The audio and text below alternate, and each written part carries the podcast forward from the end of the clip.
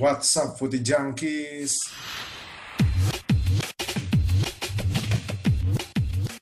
Tahu apa kamu soal bola? Mantap. Gimana kabar kalian semua? Apakah kalian baik-baik saja, teman-teman, saudara-saudara Silverway? Silverway. Eh, eh, kan kalau kan yang Golden udah ada sebelah, kita Silverway. Iya. Kita Silverway. Gimana di lu kabar lu baik di? Baik baik Jack. Alhamdulillah nih. Lu gimana Hud? Aman Hud?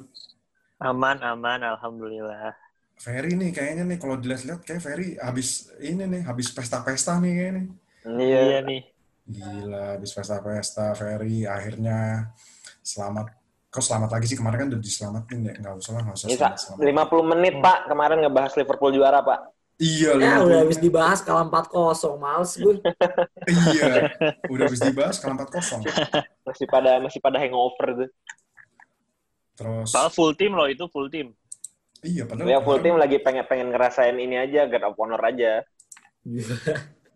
Iya, akhirnya eh akhirnya Liverpool tuh dapat guard of honor juga ya. Dia kan kemarin Hmm. yang waktu si kaptennya habis kepleset itu guard of honor-nya buat Chelsea kan waktu itu.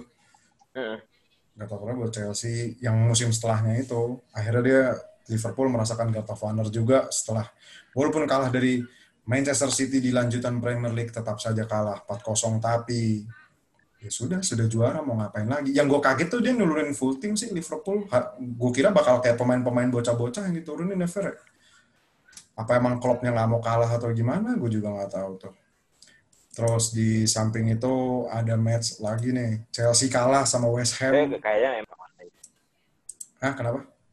lawan Manchester City doang kan. Mm-mm. Ah, delay lu fair delay. Kita udah ngomong-ngomongin West Ham juga.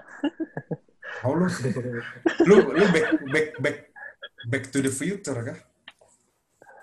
Back to the future kah, Fer? West Ham mantap nih West Ham Jack.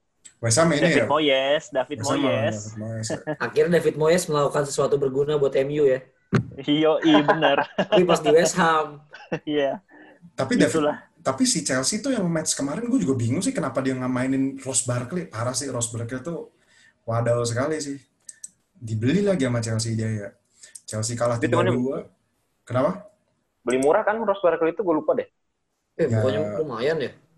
Lupa gue berapa. cuma 8 8 juta 8 juta apa 18 juta gitu. Enggak enggak enggak enggak semahal waktu dulu dia beli waktu harga dia dulu itu.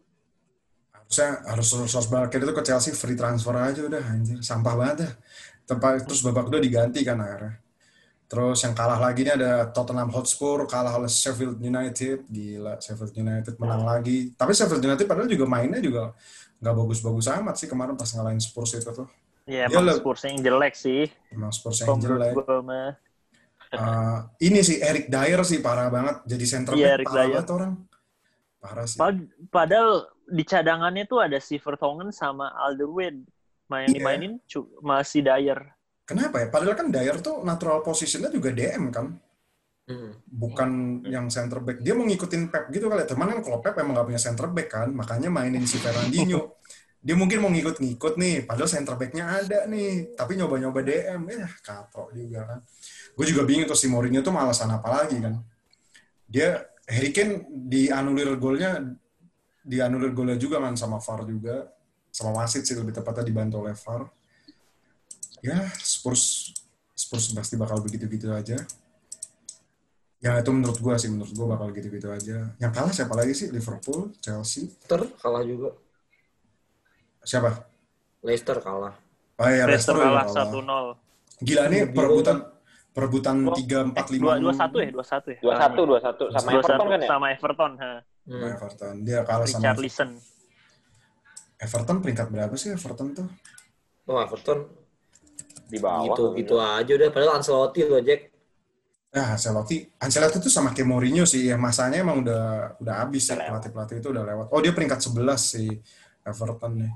Cuman nih gara-gara si Chelsea kalah, Leicester kalah, Spurs kalah yang seneng fans MU sebenarnya karena dia menang ya. Yo, iya menang 3-0. Tuh dia Bruno jadi kartu as lagi Bruno. iya kan. Tuh, On eh, Brighton.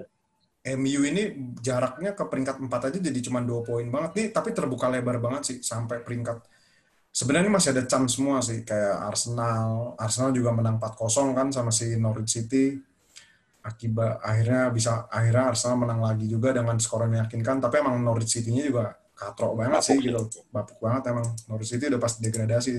Kayak Norwich City sama si Aston Villa sih yang udah degradasi itu mah Ya, terus spot lagi yang dicari. nah, gue sih feeling Ber Bermot sih Fer kayaknya Fer. Bermot lah paling. Kemungkinan besar sih itu. Bermot. Nah, terus kita bergeser ke eh, bursa transfer. Ini ada Leroy Sané yang akhirnya resmi resmi ke Bayern Munchen. Ini adalah transfer yang ter ini ya transfer yang ter apa namanya tertunda. Harusnya ini di awal musim. Cuman gara-gara Leroy Sané-nya cedera Achilles tendon ya. Dia Achilles tendon ya kalau nggak salah ya. Ya.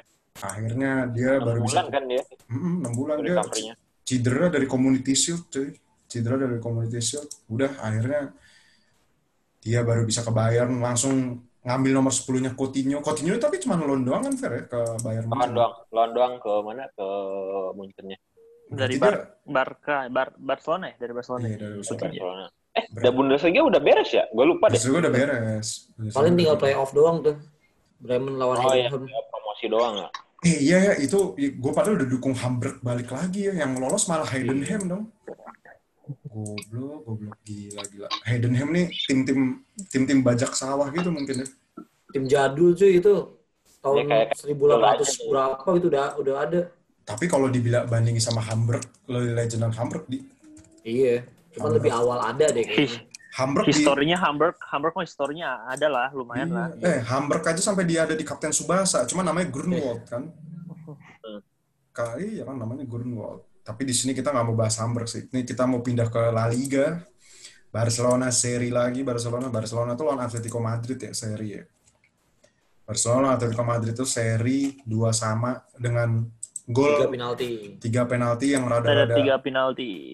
rada-rada ini sih rada-rada aneh tapi keputusannya bisa dibilang bener juga nggak sih kalau gue bilang nih di match kontroversial banget sih Jack mulai dari penalti yang yang divingnya Semedo sama si Carrasco Vasco. terus yang dianulir terus penaltinya diulang kan si Ter Stegen itu dia dianulir tuh gara-gara si Ter Stegen-nya tuh udah maju nggak sih pas bola Maju duluan. Iya, duluan, maju kan? duluan.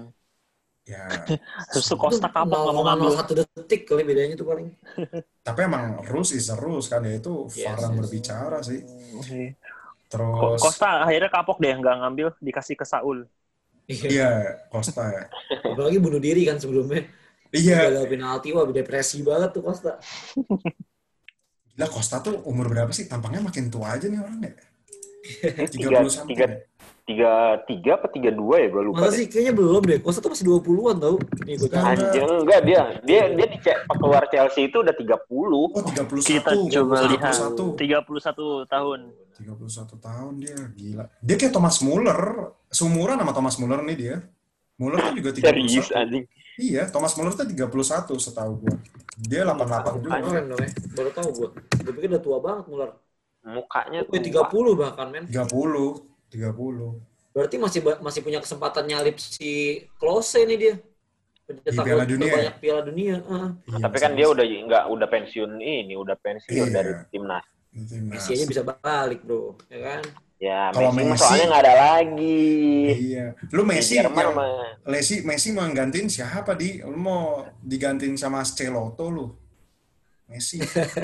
eh enggak Celoto tuh udah ini ya Ra- Raimondi juga dia kayak Camoranesi ya Itali kan dia bukan Argentina lagi. kan. Enggak, dia masih Argentina. Oh, si Argentina Celoto. dia bukannya Schelotto 2014 main ya, dipanggil. Sama siapa? 2014 Schelotto tuh Argentina. Kak, enggak cuy, yang dipanggil Palacio 2014. Palacio. Oh iya, Palacio. Palacio. Eh, tapi jujur aja mendingan Palacio kalau daripada Higuain. Higuain parah banget aja. Kalah ya 14. Higu- Higuain tuh kayak Higuain, punya eh, jinx Higuain tuh di final bukannya udah golin kan?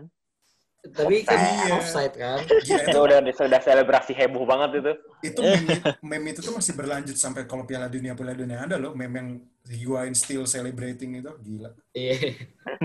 Padahal World Cup-nya udah lewat modul lewat dua edisi nih kan. Terus Ya Argentina gitu sih nasibnya kayak Barcelona juga. Jadinya Nah. Messi banget. Apa Nah. Messi, apa apa Messi keputusan Icardi nggak masuk timnas katanya juga ada ada bawa-bawa Messi-nya juga.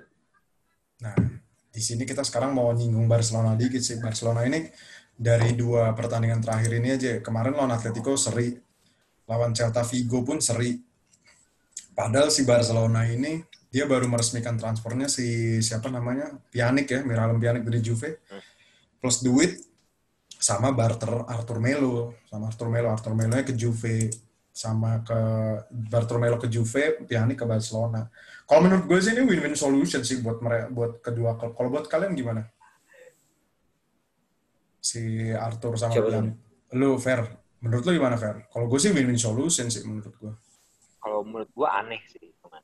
Soalnya lu eh, umurnya Arthur Melo itu Messi aja nyebut kalau Arthur Melo itu mirip kayak Safi mainnya gitu kan. Eh, dia ini musim keduanya ya kalau nggak salah. Musim kedua atau musim pertama gitu di Barca, gua lupa. Dua-dua, musim dua. musim kedua kan. Hmm. Maksudnya lu punya pemain yang punya potensi seenggaknya bisa ngegantiin posisinya Safi yang yang udah yang udah nggak belum bisa digantiin sampai sekarang.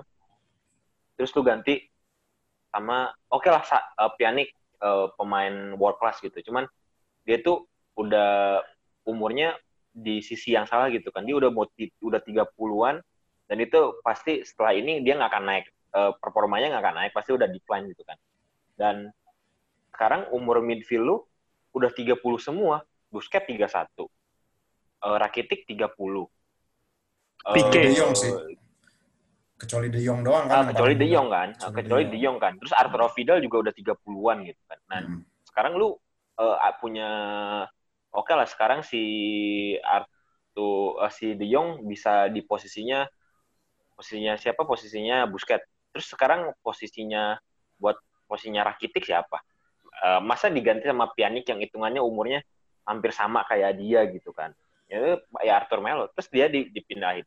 Menurut gue ini aneh sih buat walaupun sebenarnya banyak orang bilang kalau ini tuh skema eh, Barca ngakalin buat financial fair play sih gitu kan? Eh, buat mengakalin pembukuannya dia biar kelihatan hijau gitu biar nggak kena sanksi dari financial fair cuman eh it's a loss sih buat Barca kayaknya juga fansnya Barca juga pada ngamuk sih Eh, lu nuker pemain yang kemungkinan bisa jadi world class player set, eh, ngegantiin pos me- menambah lubang segede Safi terus lu ganti sama orang yang 31 tahun lebih gitu. Nah, It's kalau loss buat Barca lah buat gua. Nah, kalau menurut lu di transfer ini nguntungin buat dua klub nggak sih? Soalnya iya bener, tapi banyak ada beberapa fans yang kayak Hmm. anjir nih si Pjanic nih udah 30, sedangkan si Arthur Melo nih baru 23 atau 24 kan umurnya gitu. gue ngelihatnya sebenarnya malah kayak lose-lose buat dua-duanya sih jadinya. Tapi kalau misalnya mau dibilang siapa yang lebih untung, Juve untung dikit lah, untung lebih untung dikit. Soalnya faktornya sekarang itu, gue sering liatin di akun-akun base-nya Juve gitu, mereka tuh lagi pada kesel-kesel sama lini tengah kan. Rabiot nggak sesuai ekspektasi, Ramsey juga. Malah yang lagi oke menurut mereka tuh Bentancur kan. Hmm. Terus satu-satunya poros permainannya sebenarnya tuh tinggal si Pjanic. Pjanic tuh poros permainannya Juve sekarang jatuhnya kayak jadi pas eranya Pirlo, Pogba sama Vidal tuh dia kayak Pirlo-nya nggak sih sekarang? Pjanic. Nah Iya, kalau Pjanic Pjanic. hilang sih gue nggak terlalu yakin belum belum bisa dibuktiin gitu Arthur bakal nyetel di Juve itu bakalan kayak gimana. Nah tapi kalau dari sisi usia gue setuju banget sama Ferry ini mah apa Barcelona kalah total sih maksudnya rugi banget lo ngejual pemain yang masih potensial untuk beberapa tahun ke depan untuk nuker Pjanic yang ya paling 2-3 tahun lagi eranya udah habis. Gitu sih kalau gue ngelihatnya. Lu ada tambahan kira-kira mengenai transfer kedua itu, Hud? Jawaban gua udah diambil semua sama Ferry Aldi nih. Tapi ya kurang lebih sama Ya. sih. Hmm. Umur itu jadi yang paling yang paling ini yang paling mencolok lah di antara eh, keduanya gitu. Walaupun kita kita harus mengakui kualitas kedua pemainnya cukup baik kalau menurut gua ya. Pjanic itu bagus lah. Dari zaman di Roma gua gue cukup ngeliat kan eh, cara bermainnya dia gitu. Cukup cukup menarik lah sebagai midfield. Terus juga Arthur ini kan digadang-gadang juga benar. Katanya the next Safi lah atau mungkin eh, masih muda kan. Dia Brazil kan orang Brazil pula kan si Arthur ini kan punya ya lu tau lah tipikal orang Brazil itu kan punya bakat yang sangat baik gitu cuman yang jadi terheran-heran ya kedua umurnya yang mencolok ini yang jadi perbedaan kok mau gitu Barcelona malah ngelepas mungkin gelandang yang di, bisa dibilang ya future-nya masa depannya Barcelona di saat ini yang udah stuck dengan pemain tua malah dijual atau ditukar dengan pemain yang udah tua juga gitu kan ya hmm. ba banyak kan uh, or, banyak kan uh, klub-klub yang mengedisi pemain muda kan kayak ini klub A future-nya pemain muda semua kan yang sekarang nih lagi proses nih siapa Barcelona tuh uh, malah ditunjukinnya future-nya tuh siapa gitu masih tanda tanya yeah. gitu bah malah cuma ada ya itu si Frankie De Jong doang mungkin yang paling yang paling apa yang paling mungkin bisa bisa uh, bisa masih tahan lama gitu. Sisanya tuh ya bener kata Ferry tadi Arturo Vidal lah, si Pique, Sergio Busquets, si Lionel Messi pun juga udah 33 34 tahun gitu kan. Menurut gua gua nggak tahu ya apakah ini blundernya Barcelona atau memang mungkin penyakit Barcelona dari dulu ya suka ada transfer aneh-aneh gitu kan. Tapi sebenarnya kalau si Arda apa? Turan dan lain-lain gitu. Iya, sebenarnya gue juga.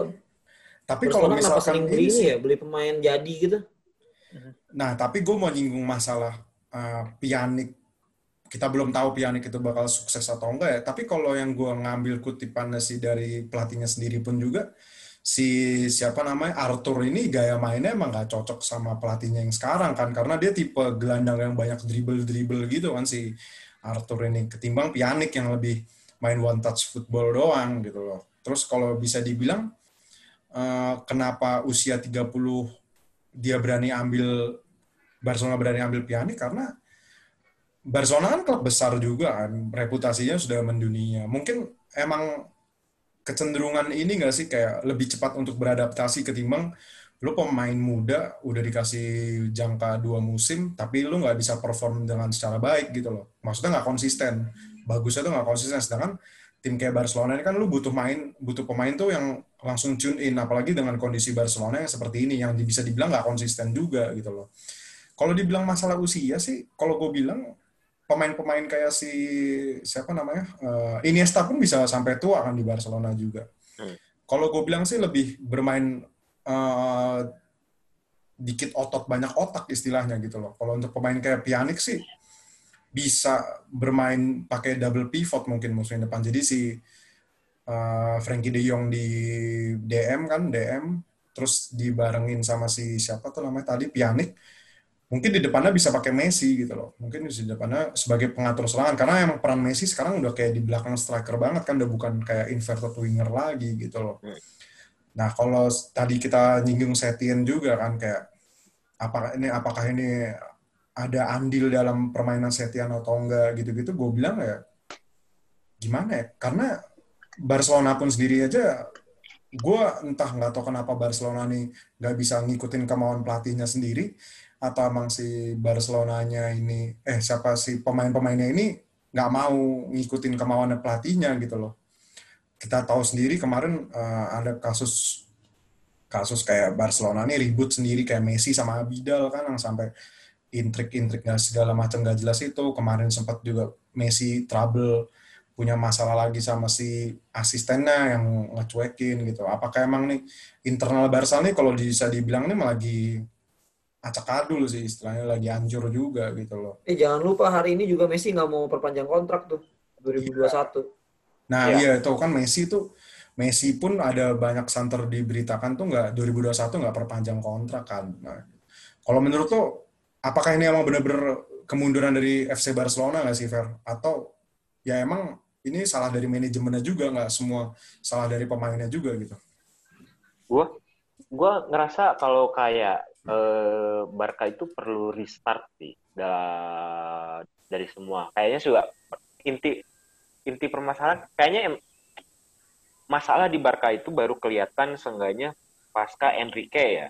Uh, Enrique cabut pasca treble-nya 2015 itu uh, Barca itu punya kesulitan uh, di beberapa aspek lah, mulai dari generasi pemain, uh, kecocokan pelatih sama pemain dan uh, belum lagi transfernya yang amburadul naudzubillah gitu kan.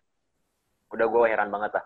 Dan kalau mau dibilang ya salah satu permasalahannya ya boardnya juga emang kacrut juga gitu kan. Uh, ninggalin La Masia, ninggalin uh, filosofinya Barca yang main atraktif terus itu juga gitu kan. Terus belum lagi terkait permasalahan uh, filosofi-filosofi Barca yang udah mulai ditinggalin sama mereka demi duit gitu kan. Dan gue kalau mau bisa kritis sih ke Barca ya banyak banget gitu. Dan belum kalau ngelihat 2008 eranya Pep pertama kali masuk ada restart juga gitu kan kayak model-model buangin pemain-pemain inti kayak Eto'o belum lagi buangin si siapa si Ronaldinho, Deco kan? dan kayak kayak gitu gitu kan dan gue kalau lu mau nyoba ngulang sih yang mending kayak gitu gitu. Walaupun Messi oke okay lah nggak nggak di, nggak dibuang,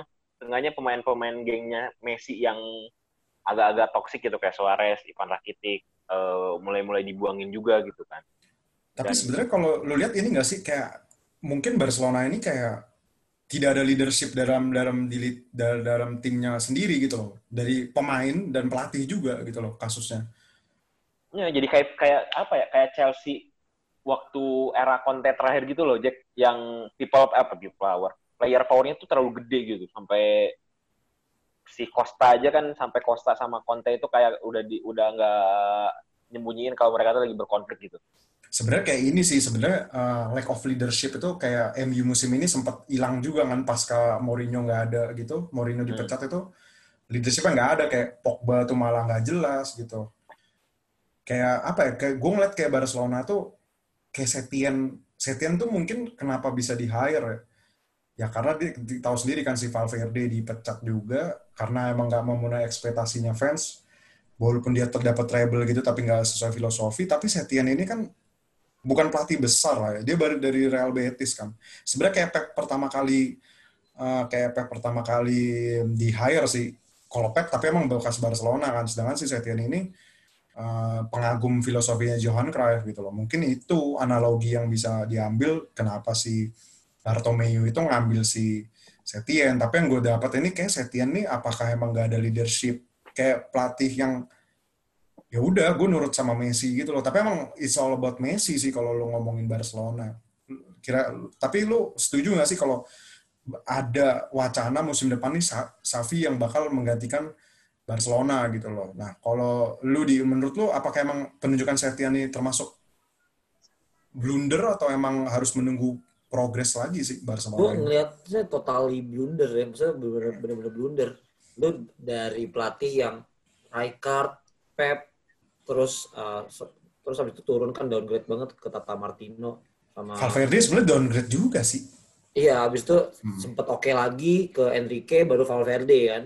Nah pas hmm. Valverde itu sebenarnya concernnya anak-anak Barca tuh eh, fans-fansnya Barca adalah karena kayak yang lu bilang tadi selain dari filosofi main juga kadang-kadang mereka tuh suka pada protes kalau milih line up. Kadang-kadang kalau misalnya si Valverde milih line up lah apaan sih nih nggak nggak cocok gitu nggak sesuai selera. Akhirnya datanglah Setian yang menurut gue juga pelatih yang lebih antah berantah lagi men. Nggak nggak kelihatan juga recordnya. Padahal di eh, saat itu kan pelatih pelatih lain kayak Pochettino, terus si Allegri itu juga lagi pada nganggur padahal. Eh dia ngambilnya malah yang antar berantah mungkin kayak pengen nunjukin di Barcelona dilatih siapa aja jago. Ah nggak juga anjir. Semuanya kayaknya, tetap tergantung Messi itu kayak kalau yeah. statement ngelatih siapa aja jago PSG doang tuh kayak yang berlaku tuh tapi kemarin juga ada ada yang lucu di di itu uh, jurnalis Barca jurnalis yang di Spanyol tuh Barca sampai ngomong kayak gini ini tim Barca ini saking toksiknya dia bilang kalau walaupun Klopp sama Pochettino yang megang itu pasti gagal juga gitu. Iya sih. Bener sih. Jadi tapi... kalau gue melihatnya Setien Setien ngelatih Barca tuh kayak apa ya? Lu pelatih anta beranta juga misal di Italia siapa ya pelatih Serse Cosmi lu suruh ngelatih suruh ngelatih Juve gitu. Serse Cosmi legend itu anjir, yang pakai topi kan. Di, legend. Iya, tapi bingung anjir. Hmm. Pasti bingung gak sih lu? Lah gue ngapain nih ngelatih pemain-pemain yang udah bintang jadinya dia kalah kalah kelas gitu loh, kalah kalah power sama pemain-pemainnya sendiri akhirnya kalau menurut gue sih gitu hmm. sama Barcelona tuh juga gue nyambung lagi dari yang awal tadi yang dibilang sama Huda lagi hmm. aneh-anehnya kayak gue gak ngerti kenapa belakangan ini jadi hobi banget beli pemain jadi itu aja padahal kan dulu-dulu Barcelona tuh ngorbitin pemain jadi ngorbitin pemain jadi dari lama sih ya sekarang ah udah pembelian iya, sih, lah nggak jelas. Tapi kalau ditarik dari La Masia ya di daerah yang terakhir paling bagus itu ya mungkin sekarang Ansu Fati ya. Tapi yang sebelum-sebelum era Ansu Fati kayak Gerard Deulofeu, terus siapa tuh Rafinha, Alcantara, itu Sergio, yang Sergio Roberto. Sergio Thiago, Roberto, Pedro. Sergio Roberto lah sampai Pedro sekarang lumayan lah. Sergio Roberto paling oke. Cuman kayak generasinya kan sempat ada gap generasi yang rada ancur kan kayak si Boyan Kerkits tuh Iya. so-so banget. Terus kayak Rafinha, yang paling bagus generasi mereka tuh cuman Thiago sih. Kalau gue bilang Hmm, Thiago. Thiago Alcantara. sekarang jual dijual juga kan akhirnya Thiago. Iya, padahal Thiago tuh prospek buat gantiin Xavi kan aslinya kan. Ya Oh. sekarang mungkin udah bener habis sih yang Lamansia yang benar-benar terakhir sukses sih ya berjaya ya mungkin si Busquets nggak sih sampai sekarang ya masih ada masih Hmm. Pedro lumayan lah tuh waktu itu sempat Hmm. mencicipi ya bareng Messi ya pastinya lah Messi cuman Angkatannya cuman Messi. ya itu transfer transfer anehnya itu gue masih nggak ngerti sih sampai yang beberapa musim terakhir nih kan Martin Brathwaite lah sekarang itu Wah. pemain bekas Middlesbrough loh itu Itu gak Middlesbrough jelas aja banget. degradasi loh sekarang dia Boateng, ke Liga. Spanyol Ya, Kevin itu, nah, itu Prince. Boateng Kevin Prince. itu banyak aneh gitu. Terus Paulinho tiba-tiba kan juga dibalikin lagi ke Liga China ya Itu udah. tapi pinter Barcelona nih yang bego Liga Cina si klub Cinanya sih dia mau bayar lagi tuh aduh tolol banget sih. Itu pinter juga tuh Barcelona. Tapi ya apa ya kalau dibilang ngambil pemain-pemain jadi eh, oke lah Masia Barcelona emang punya La Masia sih. Teman kalau yang pernah gue baca itu emang kan sebelum si Bartomeu ini yang ngambil Rosel kan. Seingat gue tuh Sandro Rosel. Pokoknya emang Barcelona ini kayak hancur setelah era Laporta nggak sih? Laporta tuh emang yang kayak paling berjasa banget lu. Dulu sampai ada Ronaldinho, terus sampai Eto'o datang, terus si akhirnya dia keluar, eh, Rosel masuk. Rosel itu kan masuk waktu itu kalau nggak salah, gue pernah baca dia pernah ada intrik yang sampai Victor Valdes keluar dari jajaran pelatih yang di Barcelona juniornya kan yang di La Masia itu karena ada perbedaan intrik katanya eh, itu tuh sama aja eh, si Rosel ini ngeluar-ngeluarin staff-staff pelatihnya Barcelona ini yang udah kayak lama di MU eh kayak di MU di Barcelona istilahnya gitu loh kayak yang udah tau filosofinya banget lu malah ganti semua rombak semua dengan pemain gak jelas akhirnya si eh, La Masia sampai degradasi kan waktu itu sampai Hmm. rame juga ke Segunda Division tuh sampai turun gitu loh sampai benar-benar turun gitu padahal dulu La Masia itu terkenal hebatnya gitu tapi balik lagi ke apa gimana Fer? Enggak, kalau gue baca eh, Hmm. baca-baca eh, salah satu alasan kenapa La Masia degrade itu jadi ada perubahan eh, shifting dari cara mereka ngeproduksi apa ngeproduksi pemain. Jadi waktu waktu eranya Pep ke bawah itu pokoknya pokoknya sebelumnya Sandro Sandro Rosell apa sebelumnya eh, Bartemu gitu.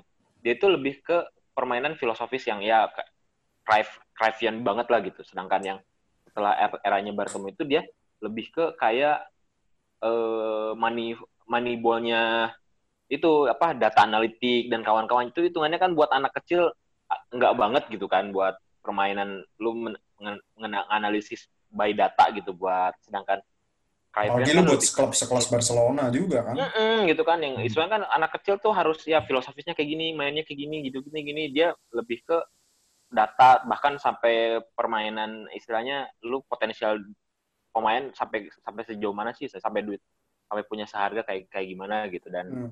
itu yang salah satu jadi alasan kenapa eh, Barca degrade dan salah satu alasan juga kenapa Barca beliin pemain-pemain yang 16 tahun ke bawah dari luar negeri yang sampai akhirnya dia kena transfer ban. Itu kasusnya kayak itu siapa ya? Gue pernah baca tuh yang kena kasusnya gara-gara kena transfer ban itu. Oh itu masih Chelsea dulu yang Gael Kakuta. Chelsea, kan? Chelsea sama Barca itu kena kan itu. Iya iya, itu Barcelona juga kena kan. Tapi apa ya? Kayak bener sih kayak yang lu bilang tadi singgung pertama kayak lingkungannya terlalu toksik mulai dari yang Griezmann gak disukain kan sama Messi juga yang kayak dicuekin segala macem. Kayak seakan-akan si kayak ada geng-gengan gitu gak sih di dalam Barcelona dulu kayak Messi itu nongkrongnya cuman kayak dulu kan sama Neymar kan. Begitu Neymar cabut, Neymar out itu udah kayak ah gue ngambek ah gue mainnya sama Suarez doang, gue mainnya kayak sama Jordi Alba doang. Dia malah nggak nggak gubris Griezmann gitu loh. Gue jadi Griezmann tuh bener-bener pasti sakit hati sih lu diplot buat jadi tandem trio di depan tapi perlakuan lu kayak gitu gitu loh. Tapi emang peran dari leadership dari Messi sendiri sih kalau gue bilang yang nggak ada nggak ada buat fight-nya gitu untuk Barcelona sama tapi lebih tepatnya Barcelona sih. Karena emang setelah eranya Charles Puyol kita nggak ngeliat kayak yang bener-bener punya fighting spirit gitu nggak sih di skuadnya Barcelona gitu? Kalau menurut lu gimana?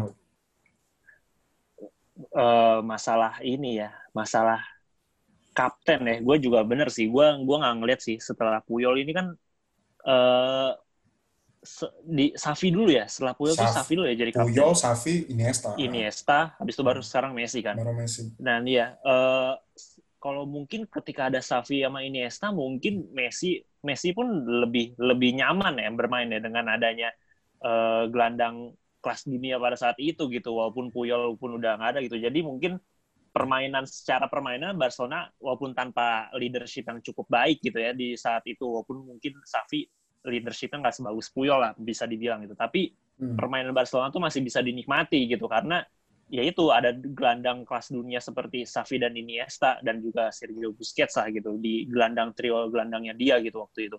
Namun Hmm. kan perlahan kan juga ya itu gener- generasinya setelah Xavi Iniesta pun juga menghilang gitu.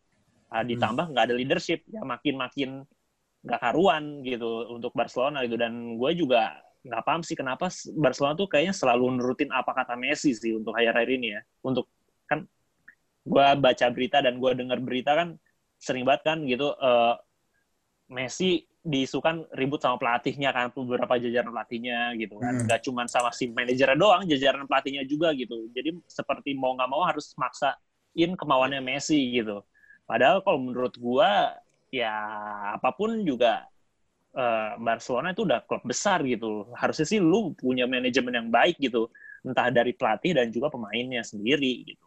Menurut gua terlalu terlalu Messi banget sih. Sayang banget sih menurut gua itu Barcelona sih. Ya sih terlalu Messi sentris ya. Dia dia segala keputusannya aja tuh harus is all about Messi gitu. libatin Messi ya Iya harus ngelibatin Messi kayak ada ada sebuah debatable ya kayak gue lihat kemarin tuh lagi rame di Twitter kayak bahkan ada seorang fans Barcelona pun aja sampai ngomong kayak Messi ini harusnya emang udah saatnya cabut sih gitu. Messi udah saatnya cabut dan emang kayak harus digantikan sama ya lu sebuah klub besar itu emang bener-bener nggak bisa bergantung sama satu pemain sih kalau gue bilang kayak lu harus tune in 11 pemain itu harus bisa punya kontribusi masing-masing nggak bisa cuman eh, apa ada maksudnya nggak tapi bisa tadi gue baca ya. Hmm? Tadi gue baca katanya Messi ngebantah juga sebenarnya dia pernah dia sering terlibat di keputusan transfer. Cuma lucunya di artikel berikutnya tuh gue baca juga komentarnya si Setien tentang Lautaro yang mau ke Barcelona Hmm, disuruhnya tanya Messi. Jadi kayak kontradiktif gitu. ya gue juga nggak tahu ya apakah itu harus ada di klausul nggak sih kayak Messi makanya banyak kan tadi makanya kan eh, kayak fans Barcelona tuh ada yang ngomong kayak ini Messi ini emang kayaknya udah saatnya udah cabut gitu loh lu ba- lu bisa bayangin aja sih sih Messi itu kalau cabut kayak Messi itu gajinya besar banget kan. Sebenarnya gue bilang Messi itu sebenarnya nggak loyal loyal sama Barcelona nggak sih? Kalau menurut kalian gimana? Karena emang gajinya gede aja makanya dia bisa bisa stay di Barcelona. Karena Barcelona mau bayar iya. Gitu. Kalau menurut lo Fer apakah emang Messi ini emang benar-benar harus cabut nggak sih dari Barcelona atau gimana kalau cabut Eh, gokil sih kalau cabut Kalau kalau cabut ya gokil sih hitungannya. Hmm. Maksudnya lu Messi itu emang Barca itu ya Messi, itu ya Barca gitu. Bar- Barca itu ya mukanya Messi gitu kan. Agak-agak Hmm. sulit juga gitu. Ngebayangin Barca tanpa Messi. Tapi hitungannya kalau lu mau eh, kan tadi gue bilang kalau eh, di dressing roomnya Barca Bar- Barca itu emang benar-benar udah toxic banget gitu. Hitungannya dari daripada me, apa nge, nge- ngelempar Messi yang hitungannya udah jadi mukanya Barca se- se- seenggaknya 10 tahun 15 tahun ke belakang gitu. Hitungannya lu mending mending nyingkirin eh, gengnya Messi aja gitu kan. Kayak model-model Suarez, Ivan Rakitic, Jordi Alba, eh, siapa lagi? Arturo Vidal yang kayak kayak gitu gitu kan. Eh, regenerasi baru. Maksudnya setengahnya eh lu nggak me- me- menying- menyingkirkan mukanya klub lu gitu kan Eh, Hmm. tapi lu mem- memberikan ruang biar setengahnya ada orang-orang baru gitu eh, suasana baru tapi tapi gue harus bilang sih kalau hitungannya Messi bisa cabut mending dilepas aja sih Tapi Iya, repot iya juga sih. loh Fer kalau yang lu bilang nyingkirin nyingkirin pinggirnya tapi kalau porosnya tetap Messi justru dia malah nggak bisa main karena Messi banyak yang bilang kan dia sistem player kan Hmm. Ya, Tapi masalahnya ibaratnya- gini loh. Gimana? Hmm, maksudnya kalau hitungannya eh lu kalau menyingkirkan si support apa sih gengnya Messi itu kurang lebih kayak bilang kalau klub itu bilang ke Messi, lu nggak usah sotoy banget lah gitu. Gue bisa kok ny- nyingkirin teman-teman lu gitu kan. Dan lu mending ikut kita sekarang gitu. Dan ada emang sih eh, ada bisa berefek hal lain juga gitu kan. Bisa aja Messi yang demo juga gitu kan. Nah, tapi hitungannya itu kan salah satu cara aja gitu. Dan tapi kalau ada pilihan buat Messi lepasin Messi ya, buat gue itu juga wajar juga sih. Soalnya gajinya Messi itu kayak gaji tiga pemain gitu loh per Ya tahun. terlalu terlalu besar, emang gajinya tuh gede banget kan. Kan lagi pula juga kalau misalkan eh, Messi itu cabut ya istilahnya ya, lu bisa ambil pemain yang tapi itu bisa membangun apa membuat berubah lagi filosofinya Barcelona berubah nggak sih kalau Messi emang bakal cabut? Atau memang sebenarnya masalahnya bukan di Messi gitu, tapi kalau gue lihat Messi sebagai masalah mungkin bisa iya ya karena lu lihat nggak sih Messi itu selalu kayak akhir-akhir ini tuh kalau dia sebagai kapten itu kayak nggak ada fighting spiritnya lu tim lu kalah gitu dia lu bukan yang ngamuk atau apa nggak sih kalau Messi jadi kapten kan selalu Hmm. beda sama kayak Cristiano atau beda kayak si siapa tuh kapten atau sekarang yang labelnya superstar tuh kayak lu bisa membangun fighting spirit untuk teman-teman di sekitar sedangkan kalau si Argentina atau Barcelona lagi kalah kaptennya malah ikut down juga Ya. gitu loh lalu bagaimana ya. Iya, gimana lu bisa membangkitkan semangat anak buah lu di lapangan juga gitu loh. Di samping di samping emang Setiennya juga ya malah tunduk ke Messi juga jatuhnya kayak nggak ada leadership di porosnya Barcelona sendiri. Kalau gue bilang sih harusnya sosok-sosok kayak Busquets sama Pique sih harusnya yang bisa sih ya. Udah Karena dia- terlalu tua juga nggak sih sebenarnya? Siapa Pique Pique? Busquets. Pique ter- tua sih. Pique tuh udah terlalu Dan- tua sih. Hmm. Dan Barcelona sama Argentina tuh sama gitu loh. Milih kapten bukan berdasarkan leadership, tapi milihnya berdasarkan yang paling jago. Kan gitu. Tapi si pas Barca itu sebelum Messi itu pernah Mascherano kan ya? 2014 tuh Mascherano ya? Gue lupa deh. Enggak lah, itu Safi. Enggak, enggak. Mas- iya masih Safi. Safi. Ah, enggak, dulu. enggak. Maksudnya ini apa? Argentina, Argentina. Oh, Argentina kaptennya. Argentina. Mascherano ya kalau nggak salah. Enggak. Messi. Sempat- 2014 Oh, Messi. Messi ya. Argentina tuh 2010 deh. Bener. 2010 Oh, seingat iya. gua. Yang Mascherano tuh. Eh 2010. Iya Mascherano ya. Mascherano apa Gabriel Heinze gitu yang 2010 tuh. Gue lupa lupa inget. Ini lupa ya. Tapi 2014 Messi, Messi 2014. Ah. 2010 eh R- Riquelme bukan yang masih main juga ya 2010 ya? Udah. Si Bukan, bukan Riquelme. 2010 tuh Veron yang masuk lagi. Oh, Veron ya? Yang lagi. Veron, Lupa. Veron. Veron yang masuk lagi. Riquelme udah enggak.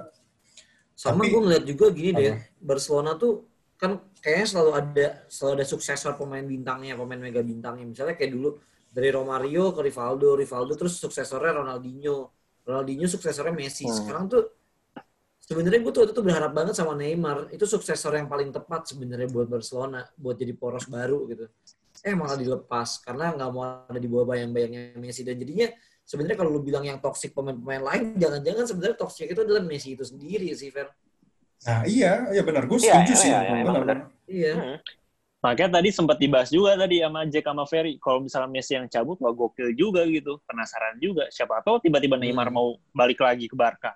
Barcelona. mungkin. Justru justru si Neymar si si Messi itu pingin banget Neymar yang balik ke Barcelona kan. Waktu itu rame banget karena emang mereka Iya, udah klop banget. Mereka kan udah klop banget. Eh yang datang Griezmann kan makanya dia rada ogah-ogahan gitu. Gue juga nggak tahu sih. Tapi kalau dibilang mungkin kalau Neymar bisa balik ke Barcelona lagi tuh mungkin bisa balikin moodnya si Messi lagi ya. Karena kalau gue bilang sekarang tuh brand image Paris Saint Germain tuh udah bukan si Neymar, udah Bukan Mbappe Neymar. banget. Mbappe. Dan Mbappe banget dan Mbappe. gue bilang Mbappe itu pasti udah bakal meroket banget kan di PSG tuh beda sama si Neymar gitu Iya. Kecuali Tapi- kalau ada klub besar lain yang mau nebus Mbappe aja. Liverpool. Liverpool Liverpool bisa sih tuh cocok tuh cuman harganya Cocok gila sih. sih Harganya aja Jual yang nggak mungkin. lu? Itu- jual itu Anfield. Jual stadion gitu. Iya. Itu parah sih Mbappe tuh bisa jadi harga selangit berapa kali lipatnya Neymar sekarang ini. Yalah, Kak. Gila sih. tapi kalau gue bilang Mbappe harga segitu wajar gitu loh. Wajar ya emang itu. Gue aja Parah berani, gue berani terus terang juga sih. Mbappe itu justru bisa berbicara banyak ketimbang ketimbang Neymar juga di par- di PSG juga. Neymar tuh udah kayak apa ya? terlalu stylish football udah kayak nggak zaman sih main bola sekarang Hmm. zaman sekarang kayak gitu. Udah- Bonito Ya, banget. Joga Bonito tuh udah mati sih menurut gua. Tapi kalau mau balik ke Barcelona buat balikin moodnya Messi sih bisa. Lagi pula kalau kita lihat squadnya Barcelona sekarang tuh udah rada tua sih emang. Lu bayangin ya si Pique ini umurnya tuh udah 33. Terus si Jordi Alba tuh udah 31. 31. 21. Busquets tuh 31 juga. Vidal 33, Rakitic 32. Messi pun 33. Cuman kalau masalah usia sendiri eh, kayak Jordi Alba sih masih bisa perform sih kalau menurut gua. Jordi Alba tuh sebenarnya yang yang jelek di defense tuh sebenarnya Pique itu udah too slow sih kalau gue bilang.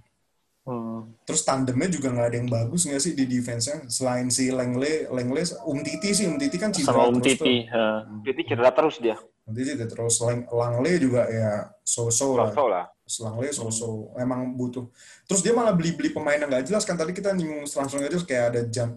Ini gue baru lihat lagi ya. Ini ada Todibo. Todibo ini lagi di loan ke Schalke kan. Dan itu Hmm. jelek banget sih kalau gue bilang si Todibo ini kemarin main di Schalke aja nggak jelas kan. Tapi katanya Todibo itu ini apa the future-nya Barca juga itu. Cuman gue nggak tahu deh. Gua Tapi nggak jelek pernah jelek nonton banget, deh. Pas yang kemarin Oh, Bundesliga, dia mau nggak mau kan kita kemarin nonton Bundesliga awal-awal gara-gara nggak ada bola. Oh ya kan. nonton dan nontonin dia nonton apa nonton Dortmund dia emang bapuk gitu tuh. Emang jelek banget si Todibo ini jelek banget. Terus Schalke tuh kan rentetannya jelek banget kan sampai akhirnya diganti. Terus dia beli Junior Firpo. Yang lebih aneh tuh kemarin yang fans bikin fans Barcelona marah-marah juga. tongkol itu tuh. Ah, iya si Junior Firpo nih sebagai suksesor Jordi Alba kan enggak banget nih katanya dia didatengin dari Real Betis karena kemarin dia punya si Barcelona kan punya back kiri suksesor Jordi Alba mungkin bisa wannabe-nya Jordi Alba kan si Marc Cucurella kan karena di musim sebelumnya main di Eibar tuh bagus banget gitu. Gue nonton beberapa kali pasang Barcelona lawan Eibar aja dia merepotkan banget gitu loh. Dia malah si Cucurellanya ini malah dijual ke Getafe kan. Makin meradang sama si manajemen Barcelona, fans-fansnya Barcelona. Iya dan dijual murah lagi. Cuman 10 juta doang. pound sterling loh. Eh 10 juta euro. 10 juta euro doang, murah banget. Padahal Back Cucurella kiri. oke. Hmm, back kirinya oke juga tuh. Sebenarnya beli- ada juga tahu eh, dulu kayaknya ada deh. Grimaldo tuh juga yang mantep tuh yang sekarang di Benfica. itu dia dari produk ke Barcelona. Barcelona ya? Dia Barcelona dia lama sih dia. Dia lama La sih Masia Dia juga. baru 27 tahun kalau nggak salah. Oh. Grimaldo. Tapi ya sekarang Waktu ya keluarannya Dininya tuh ke mana sih? Bukannya sempat di Barcelona juga ya? Lukadin, Iya. Lukadin, Iya. Din. di. Everton sekarang deh. Everton kan. Cuman Lukadin sosok lah kalau untuk Barcelona dia nggak terlalu di Everton juga gitu-gitu aja sih sebenarnya si Lukadin itu. Tapi kalau dibilang regenerasi sih Suarez sih yang kayak bener-bener harus cabut sih. Gue, yang paling parah nih Dembele nggak sih gila. Dembele ini dibelinya mahal banget loh. Iya. Tapi sekarang dia cedera terus. Tapi Dembele juga punya masalah ini Jack katanya. Dia tuh Dia kayak indisipliner nggak sih? dis- indisipliner. Jadi Iya. gue baca-baca berita itu bukan dia tuh jar, eh, latihan telat terus. Mm-mm. Dia tuh sering begadang main COD cuy. Iya katanya main main game terus ya begadang. Gila Iya, sih begadang begadang terus sama main COD, dietnya berantakan kayak Hmm. gitu. Iya, gue baca, gue baca di baca di tweetnya si Sitlo tuh di Twitter. Dia kan jurnalisnya di Spanyol gitu kan. Hmm. Dia waktu itu pernah bikin tweet tentang si Dembele gila kerjaannya tuh begadang gitu-gitu, begadang main PS lah, main game gitu itu gila sih ini orang. Suarez. Tapi ya yang paling lucu sih Martin Braithwaite sih sebenarnya Barcelona maksudnya. Tapi ini sebenarnya transfer transfer emergency transfer gitu nggak sih? Dadakan itu. Hmm. dadakan kan. Kayak kemarin tuh sih, ini sebenarnya di kemarin kan banyak yang ngomong, wah gila nih mentang-mentang Barcelona klub besar diizinin bursa transfer ditutup bisa beli pemain lagi. Itu kemarin Celta Vigo kan juga beli si Nolito balik kan, gara-gara pemainnya banyak yang cedera. Itu gue baru Tapi itu Sinolito itu buat eh, secara resmi itu dia ganti gantiin eh, pembelian darurat buat gantiin goalkeeper kan. Gua ngakak itu. Iya iya benar-benar. Itu katanya kipernya si Celta Vigo itu ini fair abis semua abis apa sisa berapa doang kan? Tapi yang dibeli Nolito. Iya yang dibeli kok Nolito, tapi Nolito ini ngegolin loh waktu yang sebelum lawan Barcelona, kalau lawan Barcelona tuh ngegolin Nolito. Itu lucu juga sih.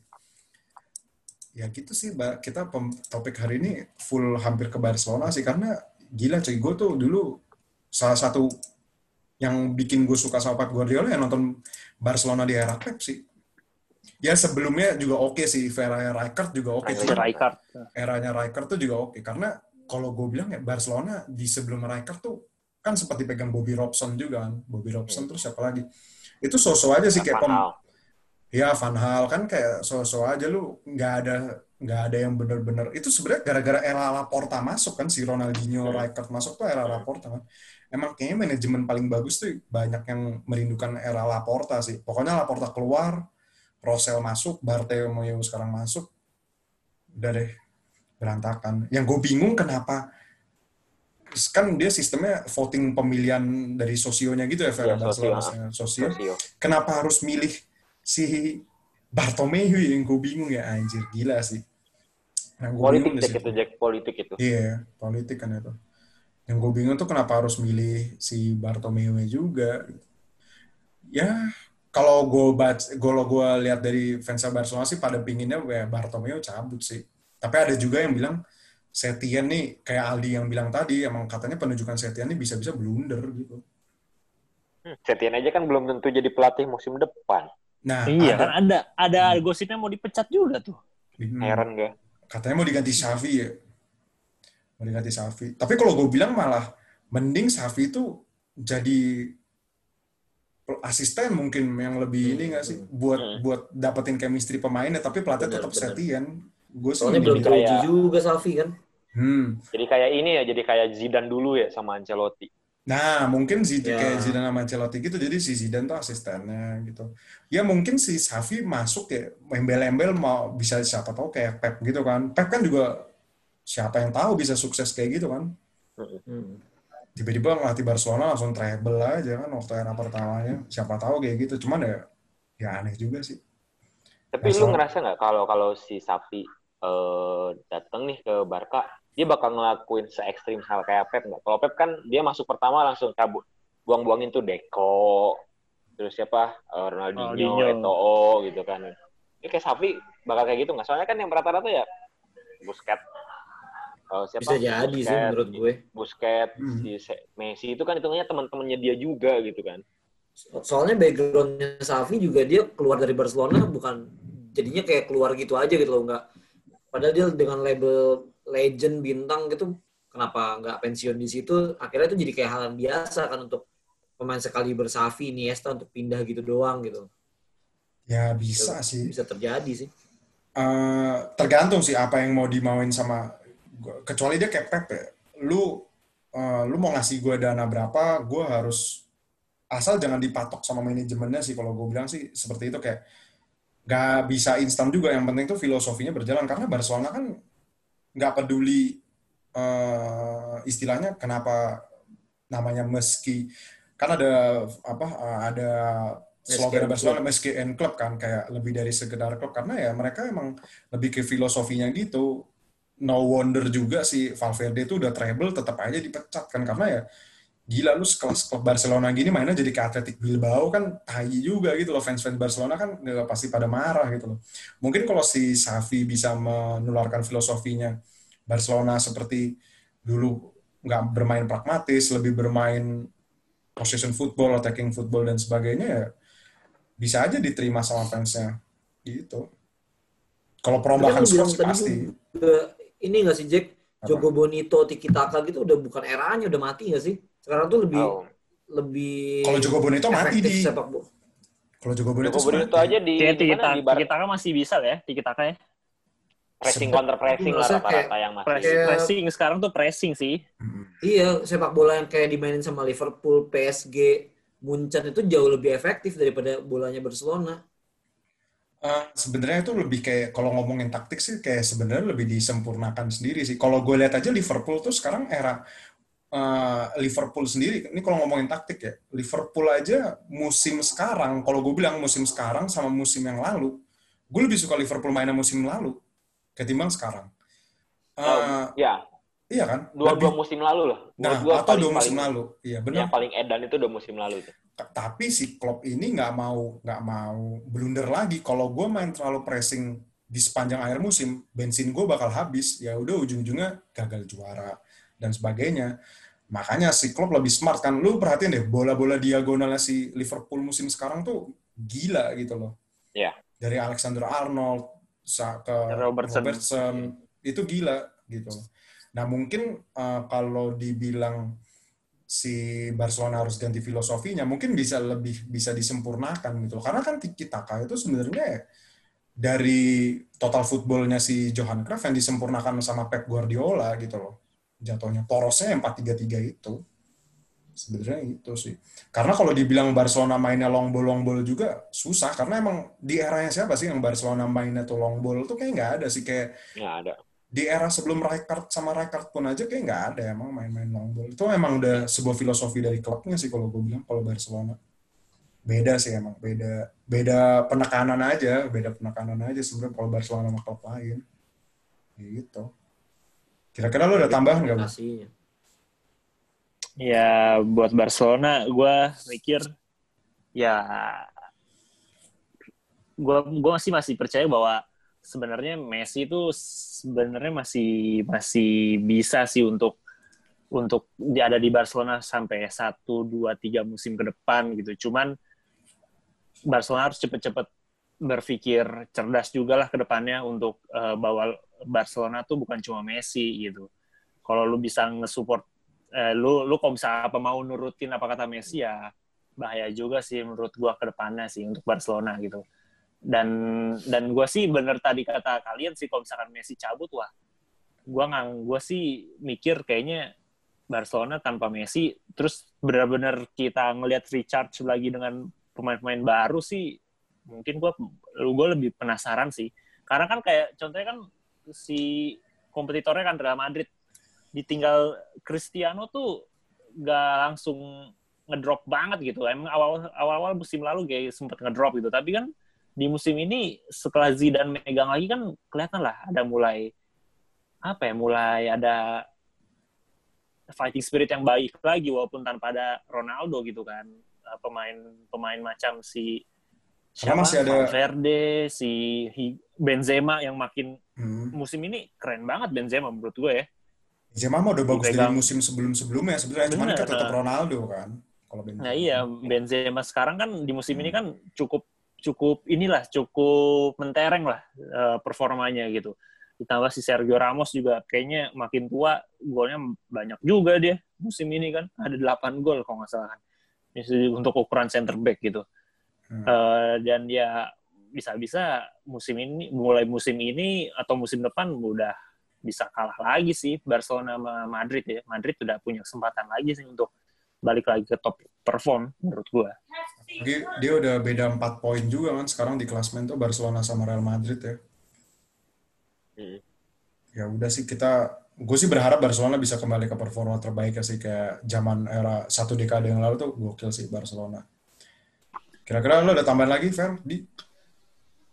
paling ini kali ya buat fans-fansnya Barcelona sebenarnya Barcelona tuh bukannya lagi terpuruk banget gitu kalau dilihat terpuruk banget juga enggak sih karena uh, mungkin fans-fansnya Barcelona udah terlalu terbiasa. Barcelona di era hegemonia mereka yang sukses parah yang selalu menang apa pun gitu. Jadinya ketika kondisi sekarang yang sebenarnya sebelum uh, Valverde dipecat pun masih ada di puncak klasmen dan baru kegesernya kan juga di beberapa week terakhir doang kan. Hmm. yang gue rasa nggak terlalu ada penurunan yang parah banget gitu enggak sih. Jadi kalau keluar-keluar Barcelona Barcelona tuh roboh banget juga gue rasa nggak segitunya sebenarnya dibanding sama tim-tim lain yang dulu yang udah gede terus jatuh kayak MU Milan gitu Hmm. nggak bakal nggak sampai bakalan kayak gitu juga sih sabar-sabar aja lah Tapi Barcelona bisa lah back on the track lah. bisa Iya, kalau gue sih hitungannya Barca harus cari ini, cari apa? Cari eh harus buat planning yang lebih eh tepat. Jadi nggak ada lagi aturannya transfer-transfer aneh kayak Brand White, eh, transfer-transfer yang mem- kemahalan kayak Coutinho, kayak Dembele. Pelatih tepat juga kudu pelatih yang benar-benar eh, filosofinya masuk gitu kan sama Barca dan nggak nggak ngasal juga gitu kayak Setien. Hmm. ya dan carilah suksesor Messi kalau enggak udah Nah, repot Itu gue suka. Ansu Fati, ah, itu tuh Ansu Fati sama yang yang Ricky Puig tuh bagus tuh. Ricky Puig bagus tuh. Mainnya oke tuh. Gue nonton yang pas Hmm. lawan Celta Vigo sama Atletico mainnya oke tuh.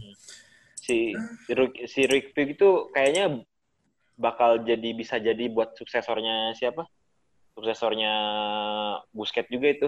Dia main DMF kan? Eh DMF. Iya, apa di playing playmaker gitu juga. Jadi pivot juga dia.